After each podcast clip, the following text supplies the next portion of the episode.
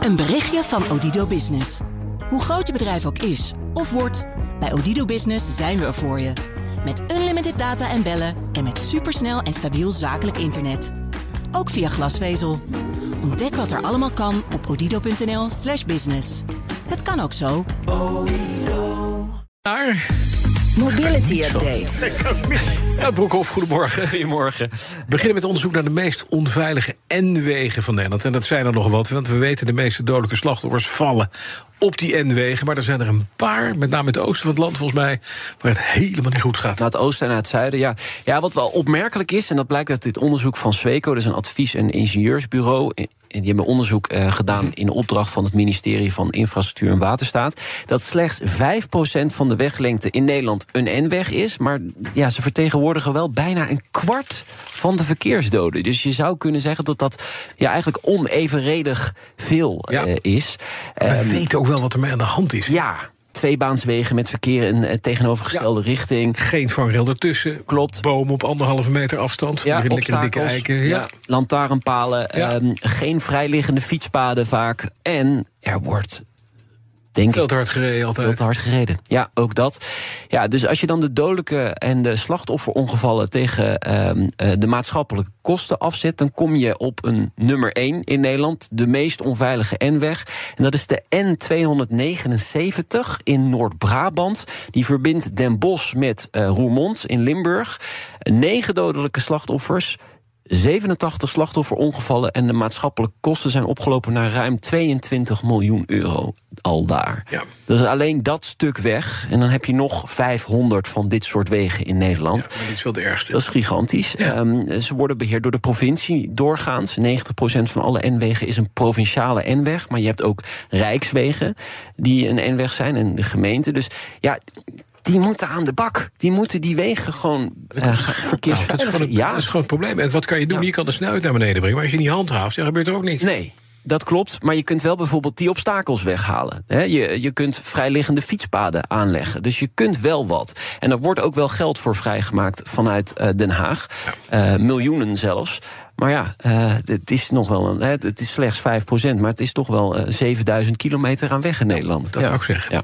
Dan kijkt het kabinet naar de mogelijkheid zakelijke vliegreizen te registreren. Ja. Interessant. Oh. Ja, dat is interessant. Kijk, er is een motie ingediend door uh, GroenLinks. Vanaf 1 januari komt er een registratieplicht voor grote bedrijven. We hebben het wel eens over gehad. Voor de CO2-uitstoot uitstoot van woon-werkverkeer en zakelijke reizen van het personeel. Maar zakelijk vliegen is daar niet in meegenomen. Dat schijnt allemaal niet te kunnen. Nou, daar neemt GroenLinks uh, geen genoegen mee.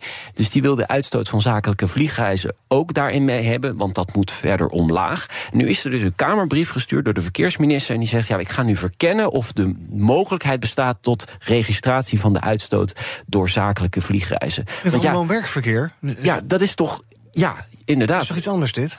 Nou ja, als jij zakelijk vliegt, ja? dan ja, dus woon-werkverkeer en zakelijke reizen oh. zijn daar samen in meegenomen. Dus een uitzondering voor vliegen zou best raar zijn, want daar ja, stoot je wel heel veel CO2 mee ja. uit.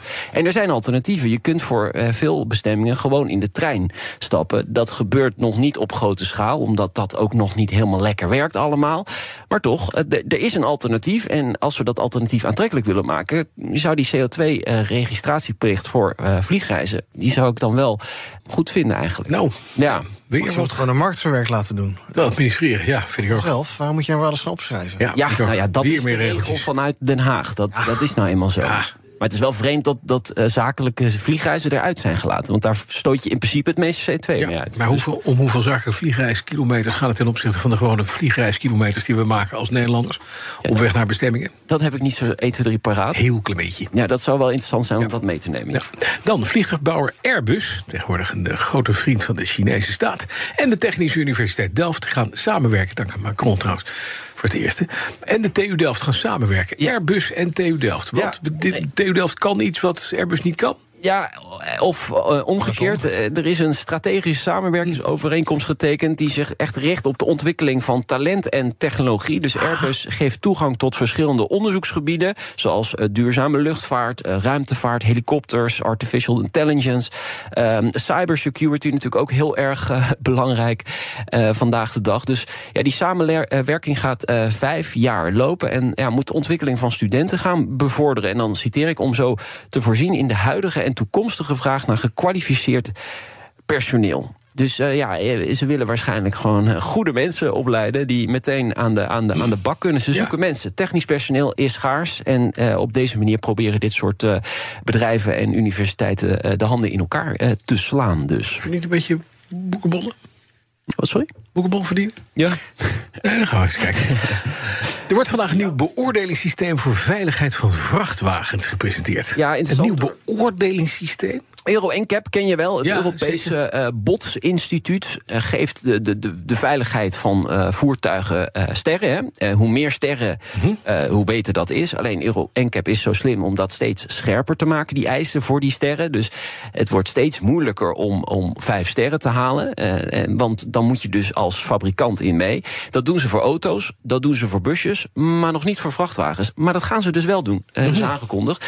Um, een nieuw beoordelingssysteem is op komst. Vandaag wordt dat uh, gepresenteerd. Ja, ik snap het wel. Kijk, vrachtwagens uh, worden steeds geavanceerder. Ze worden elektrisch meer gewicht. Meer gewicht betekent als er impact is, dat je ook meer schade aanricht aan een ander. Dus ik denk dat het heel erg goed is dat die uh, veiligheidssystemen eens goed getest worden door Euro NCAP. Later deze ochtend uh, geven ze alle informatie vrij, dus uh, dan weten we meer. Maar in principe komt er zo'n sterrensysteem dus voor, voor vrachtwagens. Nou, ben benieuwd. Dankjewel. Nout Broekhoff, maandag half drie, een nieuwe BNR Mobility. BNR Mobility Update wordt mede mogelijk gemaakt door ALD Automotive en BP Fleet Solutions.